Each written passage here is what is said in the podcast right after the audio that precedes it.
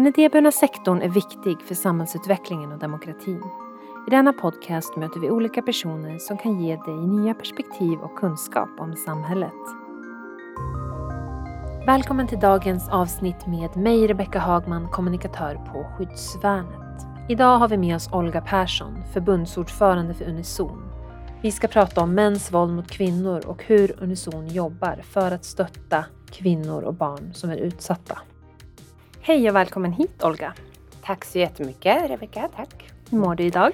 Jag mår bara bra faktiskt, mm. trots eh, pandemielände som mm. aldrig vill sluta. Mm. Vi ska ju prata om mäns våld mot kvinnor idag och vad Unison arbetar med. Men först, hur skulle du presentera dig för någon som inte känner dig? Jag skulle presentera mig som en eh, mamma och eh, kvinnorättsaktivist eh, som har vikt större delen av mitt liv åt att jobba tillsammans och för andra kvinnor och tjejer. Mm. Var kommer det ifrån då från början tror du? Det är många som har ställt den frågan och jag tror att jag väldigt tidigt insåg att jag är tjej i en värld där tjejer inte är värda lika mycket som killar. Och det var redan på mellanstadiet. Mm. Eh, och då hjälpte faktiskt mina föräldrar mig mycket och lärare att konkretisera och den här liksom ilskan och så. Att göra konstruktiva saker istället för att bara eh, bli destruktiv. Och det är jag väldigt tacksam för så här i efterhand att jag fick hjälp att organisera mig för jag gillar att vara tillsammans med andra. Mm. Och idag jobbar du som förbundsordförande för Unison. Om vi börjar där då, vad är Unison för någonting? Unison är ett riksförbund eh, som samlar eh, över 130 kvinnojourer, tjejjourer och ungdomsjourer. Sen har vi några jourer som är specialiserade på sexuella övergrepp också, främst incest, alltså sexuella övergrepp mm. i barndomen. Eh, och vi bildades eh, för 25 år sedan. 16 jourer lämnade eh, Riksförbundet ROX för att man ville fokusera mer på barns rättigheter och man ville också se att kvinnor upplever våld på olika sätt och har olika stödbehov. Mm. Och sen ville vi jobba tillsammans med de män och killar som ville vara med i kampen för jämställdhet mellan kvinnor och män. Så vi är ett inkluderande förbund, inte, vi är inte separatistiskt utan de männen som vill vara med får det. Mm. Och vilka, nu du var inne på det, men vilka kan få stöd från er? Alla, eh, mm. både barn och vuxna.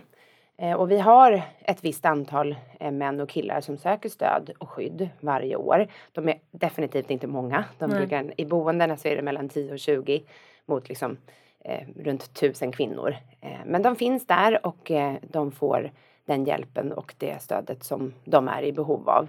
Mm. Eh, men det här finns ju liksom missuppfattningar kring detta att män skulle ta över verksamheten eller så. Men vi har inte sett det de senaste 25 åren. Det finns tyvärr inte tillräckligt många engagerade män eh, när det handlar om eh, att få mäns våld mot kvinnor att upphöra. Nej. Så vi hoppas på fler.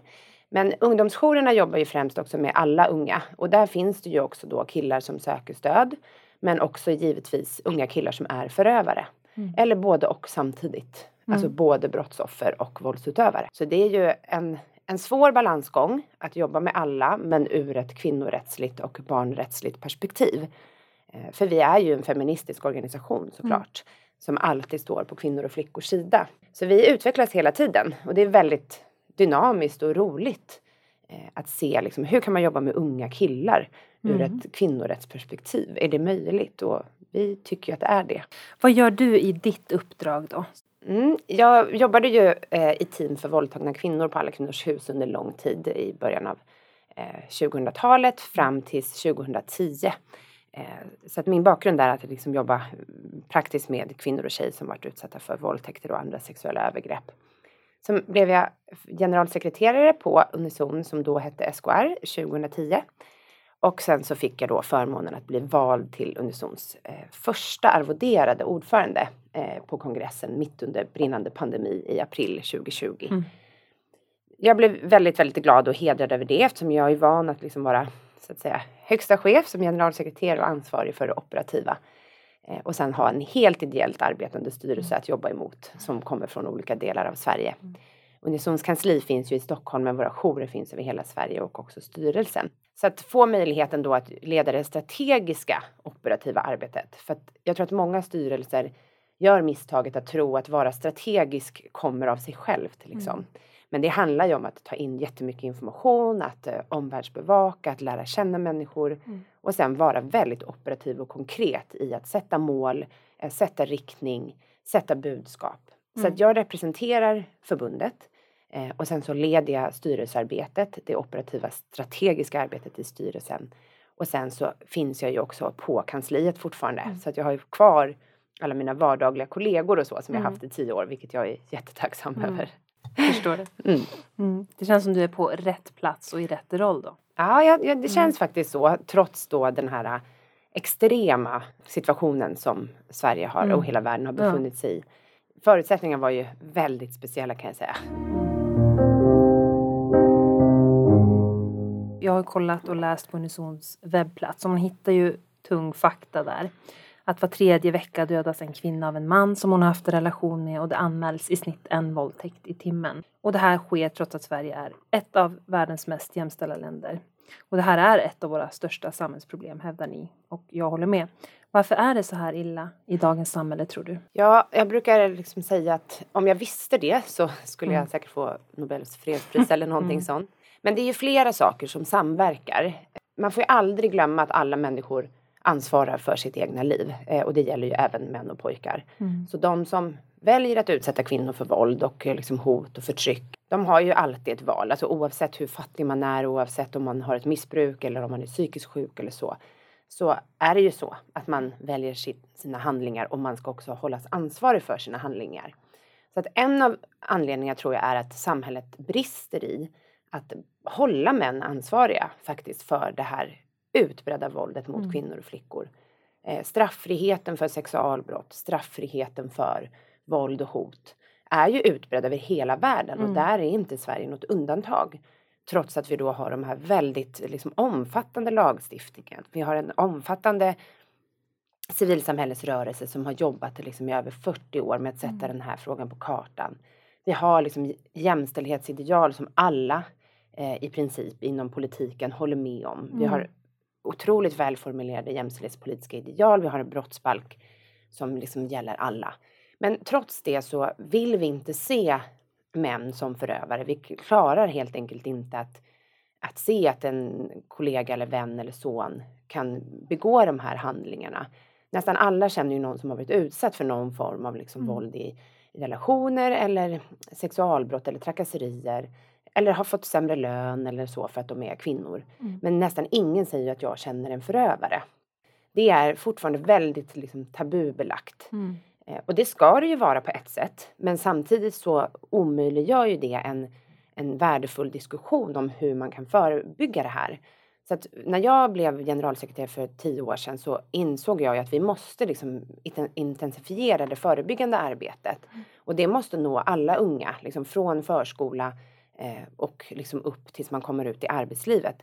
Och det spelar ingen roll om du är i riskgrupp, om du har liksom levt med våld hemma eller så, utan det ska mötas i skolan. Både då att, att man ska få lära sig vad som är rätt och fel, men också att man ska få konsekvenser om man liksom går utanför de här eh, normerna som vi har satt upp i samhället som gäller. Mm. Men sen är det en populärkultur och vi kommer ju komma in på det kanske senare, men när vi har då en porrindustri till exempel, när vi har en populärkultur med liksom, eh, stjärnor och dokusåpastjärnor och reklam som liksom omsätter miljardbelopp mm. eh, med kvinnor som eh, definieras som liksom utsatta, svaga, som älskar att vara våldsutsatta, eh, som bara finns till för att vara snygga och sexiga för män.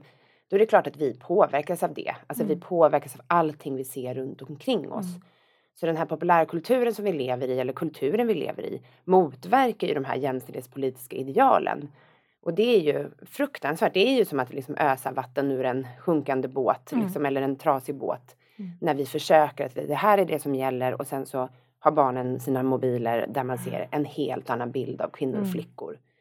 Och det här är ju ett socialt experiment. Det går inte att komma ifrån det att ingen generation någonsin har haft så här mycket tillgång Nej. till sexualiserade bilder, bilder på kvinnor som torteras och våldtas och så kallar man det för sex. Och man har det från att man är väldigt liten. Man mäter ju liksom internetanvändning på ettåringar idag. Mm.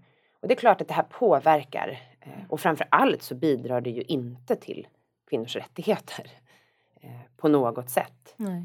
Så det är ju en viktig aspekt som jag tror vi måste prata mer om, att digitaliseringens ansvar helt enkelt. Ska vi digitalisera hela världen så måste vi också se att det är en ny arena för kvinnohat. Eh, kvinnohatet har inte försvunnit liksom, i och med www.internet.com. Mm. det är liksom väldigt viktigt att komma ihåg mm. det. Men sen är det också att män måste ta ansvar. Alltså mm. som ledare och chefer och politiker att verkligen mm. sätta ner foten vad som gäller. Och jag hade ju som sagt ett möte med Polismyndigheten på vägen hit och hade då träffade rikspolischef Anders Thornberg som sa då, det har ju varit en debatt om eh, liksom match, machokultur och eh, kvinnoförtryck inom polisen. Och där är det jätteviktigt att den högsta chefen, som oftast är man, går ut och markerar mot det här. Att det inte finns någon relativisering, det ska inte finnas en tvekan om mm. vad som gäller.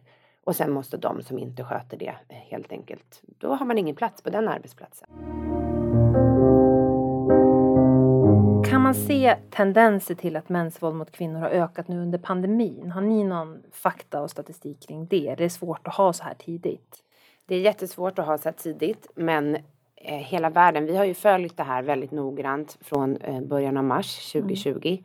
och tagit in lokala rapporter från våra medlemsorganisationer runt om i Sverige, både storstäder och mindre orter. Mm att kvinnor eh, och barn har sökt stöd och hjälp, det är ju alldeles uppenbart. Framför allt då via chatt, via mail och via telefon.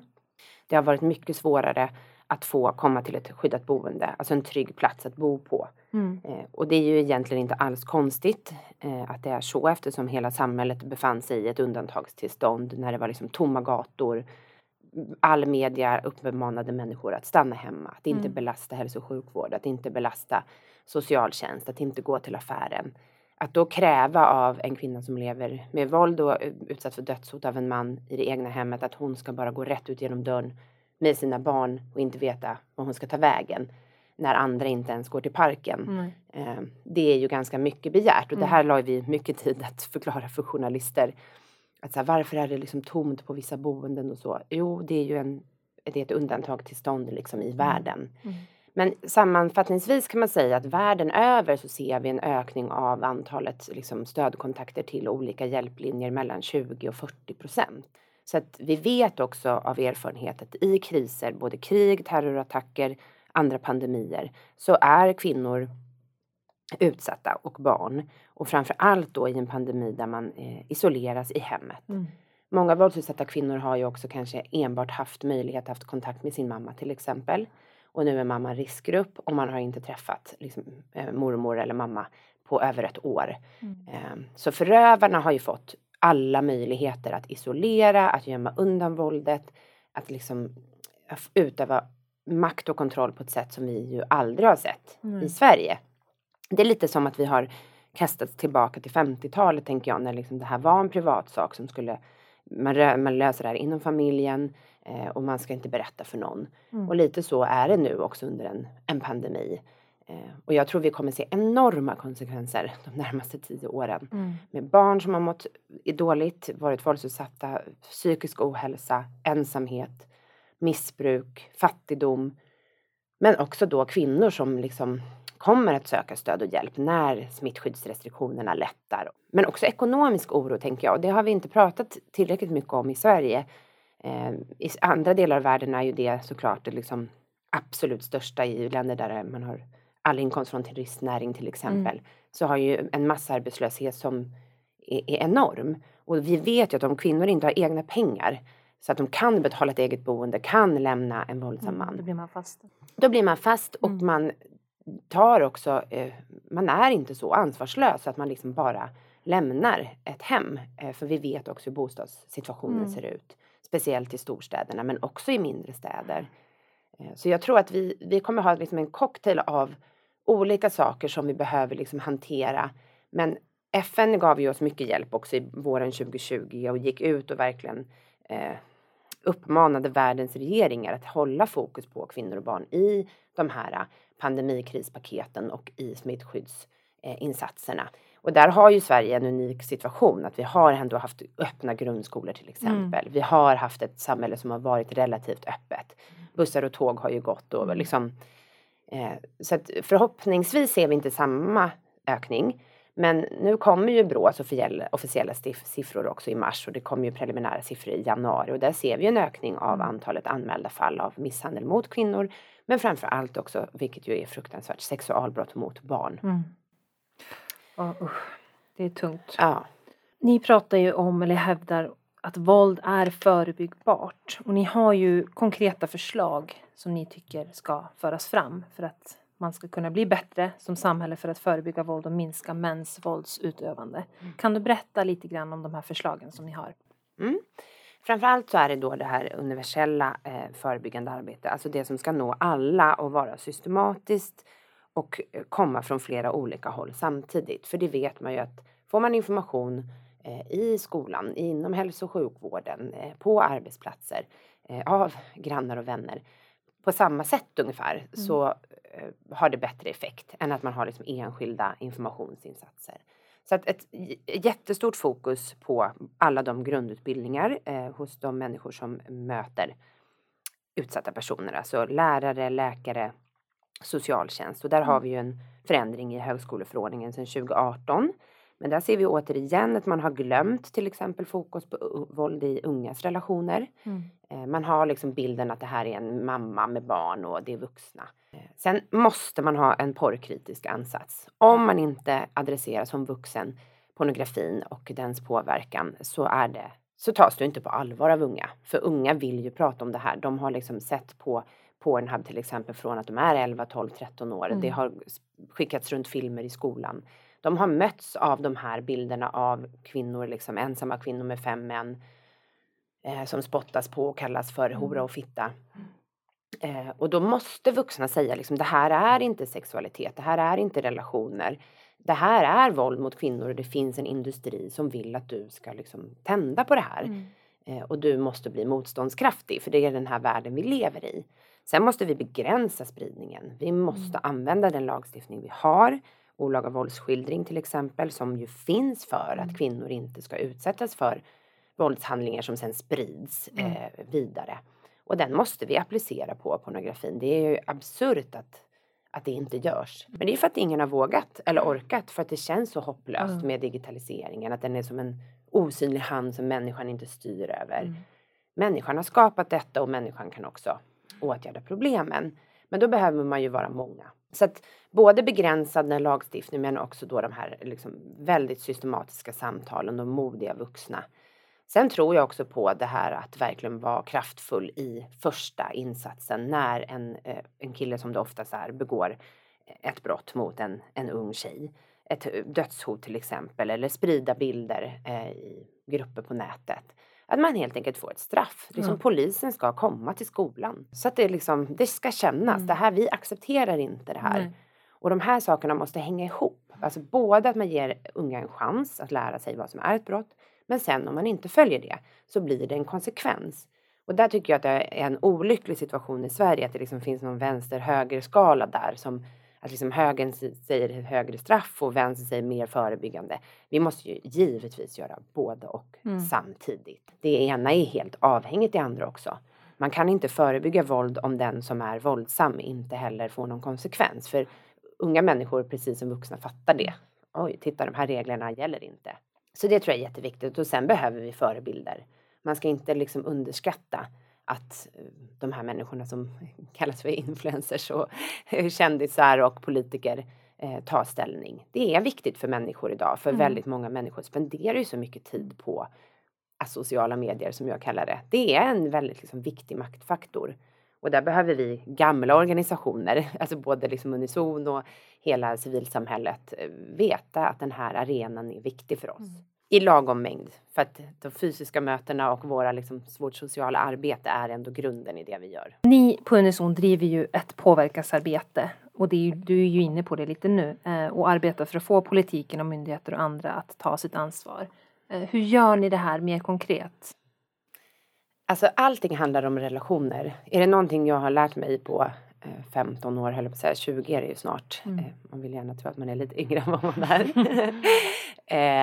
så är det att du måste eh, tycka om att jobba tillsammans med andra människor även mm. när du inte håller med mm. om allting de, du säger, alltså allting de säger eller allting de står för. Eh, och Unison har en väldigt tydlig värdegrund och ett väldigt tydligt manifest att vi ska jobba på nya arenor hela tiden och inte mm. liksom hela tiden sjunga för de redan liksom frälsta. Eh, och det för mig är det helt avgörande. Jag hade aldrig kunnat arbeta i en organisation som inte tyckte att det var viktigt att liksom möta människor som inte tycker samma som du. För att om alla människor tyckte att kvinnor och barns rättigheter var livsviktigt så skulle ju inte världen se ut så som den gör. Eh, så att du får bygga relationer, anställa människor som är duktiga på att bygga relationer. Eh, alla människor tycker inte om det och då ska man ju inte ha det som uppdrag heller. Mm. Och sen så måste du bygga på bredden. Du måste vara flera som liksom säger samma sak och ha en unison röst som vi brukar säga. Mm. Och att inom den liksom ramen så finns det ett stort, liksom, en stor spännvidd. Men man vet vart liksom gränserna går till exempel. Att vi står på kvinnor och barns sida. Mm. Det är liksom grundläggande för oss även om vi välkomnar män i vår organisation. Och de männen som vill stå på kvinnor och barns sida får jättegärna vara med. Att hela tiden eh, jobba med stämningen. För om människor, politiker, beslutsfattare ser att det här är liksom en frisk organisation. Här, är det, här händer det grejer. Här får man, liksom, får man tillbaka om man ger. Eh, då vill ju människor arbeta tillsammans med dig och så rullar det på. Du får frågor, eh, du får komma med underlag. Eh, du är beredd att kompromissa lite grann. Då bygger du relationer och jag tror att allting idag handlar om relationer och Sverige har varit lite dåliga på det. Att ta mm. hand om människor som är duktiga på att bygga relationer. Man tror att kommunikation och eh, liksom politiskt påverkansarbete är att vara jätteduktig strateg eller liksom ha jättebra webbverktyg eller ha jättesnygga flyers eller liksom snygg mm. logga. Men det handlar ju om att fortsätta vara nyfiken på andra människor. Och våga ringa mm. upp och tjata. Och mm. sen säga ifrån när man, när man blir arg, för det blir man ju ibland i politiskt påverkansarbete. Man blir ju osams. Mm. Eh, och det är okej. Okay. Alltså det... Och sen får man inte ha, man får inte vara för långsint. Man måste förlåta. Jag får oftast kritik för att jag förlåter för fort. Jag glömmer att gå vidare. Men jag tycker att det är en bra egenskap. Ja. ja, Varje dag är en ny dag faktiskt. Alltså jag tänker på det här med ansvaret och du, du sa ju där i början att det, det är ett ansvar som alla har. Eh, och, men jag tänker just på idéburna sektorn, alltså civilsamhällets betydelse i de här frågorna. Vad tänker du kring det och det ansvar som vi har? Alla organisationer som jobbar för utsatta målgrupper som berörs av det här. Vi har ju ett enormt ansvar i svenska samhället och i mm. välfärdsbygget eh, som är unikt i världen, eh, skulle jag säga faktiskt, från, i alla fall från mitt perspektiv när det handlar om kvinnorörelsens roll mm. i välfärden. Och jag tror att efter den här pandemin, eh, som vi hoppas nu snart är över, så har vi en gyllene möjlighet att synliggöra hur viktigt det är med organisationer som drivs av engagemang, kunskap, erfarenhet och inte av vinst. Mm. Att tydliggöra det för politiker, för allmänhet, att vi ideella organisationer eller stiftelser betyder ju inte att vi jobbar gratis bara eller att våra verksamheter är gratis. Det betyder att vi inte plockar ut privata vinster. Eh, att vi återinvesterar, att vi drivs av en idé om att förbättra samhället.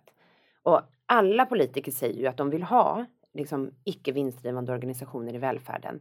Men då måste ju de också liksom hållas ansvariga för att de säger det. Hur mm. ska det se ut? Mm. Och vi måste ju vara tydliga med våran särart. Och ibland har diskussionen fastnat tycker jag i liksom civilsamhället, inom civilsamhället. Att vad är vår särart? Ja, det är att vi liksom har, kunskap och vi bemöter människor med respekt. Och, ja, men det säger ju alla, det säger ju privata företag också mm. att de gör. Så vi måste visa att associationsformen, alltså grunden till våran verksamhet, är att göra det bästa av våra gemensamma resurser. Inte göra det bästa för mig. Liksom. Och det tror jag vi måste liksom skala upp det arbetet mm. nu och träffa politiker systematiskt och berätta att vi är så himla viktiga för välfärdsbygget. Vill inte ni ha det likadant som det blev under pandemin med äldreomsorgen till exempel? Mm. När de går ut på nyheterna och säger att ja, det är 120 någonting utförare, vad nu fasiken det är, ursäkta man ska inte svära, men i Stockholms stad inom äldreomsorgen. Mm. Därför har det varit så svårt för oss att få ut skyddsutrustning. Ja, mm. det är en sönderprivatiserad verksamhet som ju absolut inte fyller eh, ändamålet. Att ge helhetsomsorg, att bra liksom, arbetsvillkor och framförallt kunde ju ingen hållas ansvarig. Mm. Jag tyckte det var pinsamt att lyssna på liksom, äldreborgarrådet och de här som bara inte kunde jag kände ju att då får man ju åka ut själv då till varje enhet och köra ut den här utrustningen. Mm. Man kan ju inte säga de är så många och vi vet inte. Mm. Nej, men då är det så att därför finns ju vi som riksförbund. Vi vill ju ha ett ansvar för våra medlemsorganisationer. Att de som möts av våra medlemsorganisationer ska, de ska hålla hög kvalitet och har man synpunkter så ska man ju också kunna komma till mm. riksförbundsnivå. Även om organisationerna är liksom autonoma juridiska enheter så har vi en värdegrund som gäller alla våra organisationer. Men det kommer bli en jättespännande tid framöver, mm. tror jag. Mm. Hur ska välfärdsbygget se ut liksom? Sen behöver vi höja stoltheten i civilsamhället och det vill jag bara kort säga att det som alla säger att vi är liksom små organisationer, vi är en sammanhållen vårdkedja.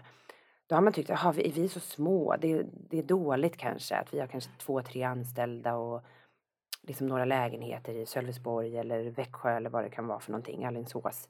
Men det är ju underbart, det är ju det människor vill ha. Människor vill ju ha små skolor, mm. små förskolor, små... Ingen vill ju ha, åh oh gud, jag vill bo på ett gigantiskt äldreboende där det är tusen lägenheter. Och det är så konstigt hur det har blivit att det som vi är duktiga på ses som dåligt fast det är egentligen det som människor vill ha. Mm. Machofabriken mm. blev jag lite intresserad av att höra mm. mer om när jag såg det på er eh, hemsida. Och det är Sveriges första jämställdhetsmaterial för unga som sätter killar och manlighet i fokus. Vill du berätta mer om det här och hur det kan vara ett bra komplement kanske i undervisningen till barn och unga? Ja. Machofabriken är någonting jag är väldigt stolt över. Eh, mm. Det, det, är ett massivt arbete som ligger till grund för det och det utgår ifrån kortfilmer om olika ämnen mm. eh, som ju är väldigt då anpassade för liksom den här korta Eh, informationsfönstret som unga människor har. Det är liksom inga långa dokumentärer eller Nej, så. Precis. Så man kan jobba med olika ämnen. Eh, där finns ju pornografin med såklart men också liksom grupptryck och eh, olika former av allt som unga möts av. Mm. Men man har då satt liksom killar och män i centrum och hur då grupptrycket formar eh, killar och män. För ofta så glömmer vi ju bort att liksom det är ju inte lagstiftning som formar en så mycket när man är liksom 14, 15, 16, 17 utan det är ju människorna man umgås med. Mm. Eh, och liksom sådana här frågor som, kring vänskap, kring att gå utanför normen som kille. Att faktiskt också stötta dem som gör det. För mm. de blir ju oftast bestraffade liksom i vardagen om du inte följer liksom killnormen. Och det här skulle ju kunna användas mycket, mycket mer. Det, det är väldigt många skolor och arbetsplatser som använder Matchfabriken. Mm. Och när jag själv har använt det så märker jag ju att det är fantastiskt på vuxna också. Alltså, alltså på mm. arbetsplatser mm. så är det liksom, det mm-hmm. får igång fantastiska diskussioner. Mm. Jag tänker polisen skulle ju verkligen kunna mm. arbeta med Matchfabriken internt i den interna organisationen. Att, hur ser jag på mig själv, hur ser jag på andra? Men framför allt vad händer? För allting, konceptet är att man liksom är i en macholåda. Att man, det finns klara tydliga normer för hur killar ska vara. Mm. Och så får man jobba med vad händer om jag ställer mig liksom utanför lådan? Om jag till exempel säger ifrån när någon säger eh, något sexistiskt eller nedlåtande om kvinnor och flickor. Mm. Vad händer då? Och så får unga människor öva på liksom få bli förberedda på liksom vad man kan säga när du känner dig sådär liksom ensam och våga stå emot eh, kanske den tuffa liksom, killen i skolan. Och det här är ju högst relevant även för vuxna på en Verkligen. arbetsplats. Liksom ja. Vem som sätter tonen och så. Mm. Eh, och det, just det här övningen mm. på att faktiskt konkret öva, inte bara lära sig massa teori. Det är ju avgörande tror jag. Precis som när du ska till exempel jobba med politisk påverkan, det är samma sak. Om du får öva tre gånger på tre olika möten att räcka upp handen först av alla, ta ordet, säga vad du vill och våga det, så går det ju lätt sen. Du förbereder dig helt enkelt på de här eh, situationerna. Eh, och Matchfabriken är ju ett samarbete med organisationen Män som vi mm. har liksom, eh, jobbat med jättelänge där vi stöter och blöter hur man bäst ska få eh, unga killar men också då vuxna män att eh, engagera sig i det här arbetet för jämställdhet. Och det är ju av en anledning också, inte enbart att kvinnor inte ska utsättas för våld utan män mår ju bättre av mm. jämställdhet. Mm. Liksom all forskning visar ju det. Att till och med att män lever längre i jämställda samhällen. Eh, att den här skillnaden som finns mellan kvinnor och mäns livslängd liksom blir mindre. Och det är mm. inte att kvinnor dör liksom tidigare av jämställdhet utan män lever längre. Mm. Män får bättre nära relationer, de får bättre relationer till sina barn, de tar mindre risker i trafiken, de missbrukar mindre. Så att allt det här att få tillgång till sina känslor och uttrycka dem på andra sätt än via våld eh, och förtryck av andra är ju jättepositivt för män och killar. Och det tycker inte jag kommer fram så mycket i liksom, debatten. Och det här är liksom bara siffror från Statistiska centralbyrån till exempel, hur många män som har en nära vän och hur många kvinnor som har det. Tänk liksom att Tänk om fler män skulle ha en nära vän som man kan prata känslor med. Mm. Så att också kvinnor slapp den känslomässiga belastningen som det är att vara allt för din manliga partner. Många kvinnor lever ju med det. Jag är hans bästa vän, jag är hans liksom, mm. älskarinna, jag är mamman till barnen. Och om vi skiljer oss blir han ensam. Och det är ju fruktansvärt att leva med. Så ska inte vi vi har inget ansvar för deras känsloliv mer än, mer än det vi vill ta mm. så att säga. Mm. Så att Machofabriken är ett fantastiskt material som jag liksom hoppas också kommer, för det har kostat så mycket pengar och vi fick ju massa pengar av Arvsfonden bland annat. Eh, och är så gediget framtaget med så mycket liksom referensgrupper och så. Och det utvecklas hela tiden med nya områden. Så jag hoppas att det kommer eh, leva vidare under pandemin efter pandemin, mycket av det liksom förebyggande arbetet fick ju stryka på foten ute mm. i kommuner och så. Och nu måste man ta tag i det igen för nu har det gått ett år och nu, nu är det lite back to basic tror jag för många. Har ni fått någon feedback från skolorna som faktiskt har använt det? Ja, alla, många är ju rädda för att arbeta till exempel porrkritiskt med barn och unga eller prata om sexualitet eller känslor. Men det är ju verkligen tvärtom. Det är mm. ju det som alla unga vill jobba med. Ja. Det är liksom så tacksamt. Eh, man skulle ju kunna hålla på bara med det. Liksom. Och framförallt så har man ju också sett, det finns ju andra, liksom, andra metoder som till exempel Mentors in Violence Prevention är också en sån här större kommunansats. Matchafabriken är ju ett metodmaterial. Men Mentors in Violence Prevention kommer från USA och vi var med och tog hit det då 2014 tillsammans med MÄN och MUCF. Och det är mer en sån här lokalsamhället samarbetar, civilsamhälle, mm. polis, hälso och sjukvård, socialtjänst. Och det handlar ju också om att lyfta in liksom frågorna om unga killars kriminalitet i de lokala brottsförebyggande råden som annars kanske handlat om snattning eller klotter eller sånt. Men också det här våld i ungas relationer då. Att se det som en, ett brott, det är inte bara liksom någonting som boys will be boys utan det är ju brottsliga handlingar. Men det är otroligt spännande att jobba med det förebyggande arbetet och jag mm. tror verkligen att det kommer att fortsätta utvecklas för det har fått ändå så pass starkt fäste mm. eftersom skolor ser att våldet liksom går ner och man ser att unga rapporterar liksom våldsamma incidenter mycket mer.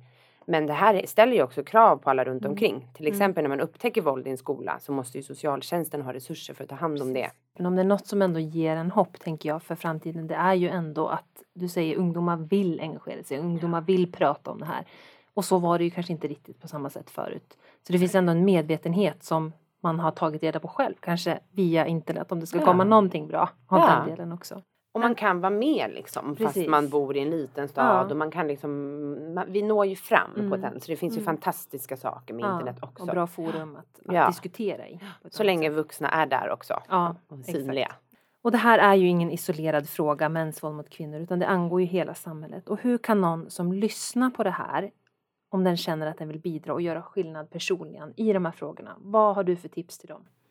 Alltså mitt bästa tips är ju att engagera dig i en lokal eh, kvinno, tjej eller ungdomsjour. Mm. Och det behövs nästan alltid eh, liksom smarta hjärnor och varma hjärtan. Eh, och jag, man får ju tillgång till utbildning, till grundutbildning eh, via oss och via de lokala jourerna. Eh, och den möjligheten att få vara med och liksom bidra. Och det kan ju vara både en liksom chattjour eller stödtelefon men också sitta i styrelser och ta mm. det här liksom ledningsansvaret. Mm det har ju varit en plantskola för så många politiker och liksom människor som jobbar inom socialtjänst och med andra vårdande yrken. Eh, att vi är en så stor folkrörelse och de flesta vet ju inte om det. Det är ju liksom tiotusentals människor som är engagerade och det är en växande folkrörelse så att vi får fler och fler medlemmar, inte färre som ju många eh, politiska partier eller civilsamhällesorganisationer upplever. Och jag tror att det har att göra med att det här är så konkret. Det är liksom klimatet och så som många vill engagera sig i kan ju kännas långt borta för många i vardagen. Mm. Men det här är ju väldigt konkret. Alla har ju relationer till andra människor och alla har känner någon som har varit utsatt eh, och det är väldigt liksom eh, tacksamt på det sättet att du ganska snabbt kan göra ett handtag, inte enbart skänka pengar för det kan man ju också mm. göra eller liksom hjälpa till på olika sätt. Men just att man snabbt kan göra konkreta saker och det kan man ju göra i alla våra jourer. Och mm. de, på unisonjourer.se där alla våra jourer finns som är en helt ny sajt som lanserades för ett par veckor sedan. Mm. så kan man ju också hitta eh, när jourerna söker eh, ideella eller mm. söker anställda eller styrelseledamöter eller så. så. Det är dit man går om man vill ha mer information om er och ta kontakt med er? Ja, ja. unisonjourer.se. Mm. Och baserat på vad du har sagt också, vad man kan göra personligen, så handlar det väl också om att dels få kunskap som du säger, men att våga prata med ungdomar och våga ja. prata med barn om saker som kan kännas jobbigt. Ja, mm. och fånga upp det liksom i, i flykten mm. verkligen. Mm. Och det är också en övningssak, du vet mm. när unga pratar med varandra, att liksom jag är ju, jag är ju jättejobbig tycker min 11-åriga son eftersom jag pratar med okända människor på bussar och liksom tunnelbanor och framförallt med tonårskillar när mm. de sitter och så här slänger käft att jag lägger mig i liksom. Att mm. bara så här, berätta mer, jag blir så nyfiken, varför säger ni så? Och liksom, mm. och det blir ju fantastiska samtal nästan alltid faktiskt. Du får ofta bra bemötande. Ja, ja, och så vill ju unga prata med vuxna. Alltså de mm. vill ju det. De allra flesta människor vill det. Mm. Eh, precis som att vi vill prata med varandra. Eh, och inte bara säga till liksom. Och, eh, för jag säger till också. Jag är sån som säger till när folk gör dumma saker. Men det kan man ju också göra på olika sätt. Att jag mm. brukar ju säga, jag säger ju till dig nu för att jag bryr mig om dig. Det var liksom en kille här bara i Hornstull där vi sitter nu för ett par veckor sedan som liksom höll på att elda på någonting här nere liksom i mm. Tanto. Och han blev jättearg när jag sa liksom till. Eh, men så säger jag, jag gör ju det för att jag bryr mig om dig. Alltså jag vill inte att du ska bli skadad, jag vill inte att någon annan ska bli skadad och du ska inte behöva liksom åka fast för det mm. liksom för någonting som du bara gör för att du inte tänker. Liksom. Och sen blev det väldigt bra och han liksom bara okej, okay, okej. Okay. Mm. Typ du, först var det ju verkligen, du är inte min mamma. Jag bara, nej men jag kunde ha varit. Mm. Alltså, mm. och just nu är det, just nu känner jag mig som det. Och jag tror just det här liksom att, att eh, fånga de här samtalen i flykten är jätteviktigt. För det, att ha de här ordningssamtalen, liksom, det får ju skola och så. Men mm. föräldrar måste ju ta det här ansvaret. Mm. Man kan inte lägga det på skolan bara. Det, det är orättvist faktiskt för de är så belastade med andra saker. Och sen att prata med andra föräldrar. Mm. Det är ju också jätteviktigt. Visst, det tar tid, det är ganska jobbigt. Jag brukar säga att föräldrar är ganska jobbiga. Eh, mm. Jag kan säga det eftersom jag själv är förälder. Mm. Men det är viktigt att liksom gå samman. Och att så här, nu har det här hänt och att liksom höra av sig. Som man gjorde förr i tiden med klasslistor och ringde runt mm. och så här. Nu får man väl inte det med GDPR men man får väl skapa någon Facebookgrupp ja. typ. Och där man så här, gemensamt kanske läser någonting tillsammans, liksom skickar ut någon artikel. Så att man känner att man är ett gäng liksom. För mm. annars så blir vi isolerade öar i den här världen vi lever i nu. Och särskilt under pandemin tror jag. Mm. Att väldigt många föräldrar har varit väldigt ensamma. Vi ska börja avrunda, eh, men först vill jag ställa en fråga som alla får som deltar i den här podden. Och det är, kan du dela med dig av någonting som du tror att många inte vet om dig? jag tror faktiskt kanske inte så många vet så mycket om mitt privatliv. Eftersom jag typ inte har något privatliv, jag säga. Men, men eh, jag är ju en Ulf Lundell-fantast. Mm. Alltså, jag har till och med varit med i ett radioprogram som heter Flickorna längst fram. är det sant? Och alla brukar tycka att det här är jättekonstigt eftersom Ulf Lundell har väl kanske inte världens bästa rykte när det gäller feminismen. Men, ja, men jag har varit liksom, jag har varit otroligt liksom fascinerad av hans författarskap sen mm. jag typ var 12 år mm. och läste Jack när jag var, alltså gick i sexan. Så jag har liksom alltid följt och läst alla böcker och är väldigt liksom, det har format mig mycket. Mm. Så det är en, och jag har flera tavlor av honom och som mm. sagt, jag har aldrig träffat honom liksom personligen. Jag har gått förbi honom flera gånger på gatan eftersom vi när han går sina långa promenader när han bodde i Stockholm. Mm. Men då vågade jag aldrig liksom han vågade du inte prata med. Nej, men det, alla barn. det vågade jag faktiskt inte. Nej. Jag försökte någon gång så vinka lite men sen så kände jag bara nej men gud han såg så sur ut så jag ja. vågade inte. Ja. Mm. Så det tror jag kanske inte så många vet. Nej, ja, men det var spännande. Men du, då vill jag säga stort tack till dig för att du kom hit och delade med dig av din väldigt viktiga kunskap. Tack så jättemycket för att jag fick vara med.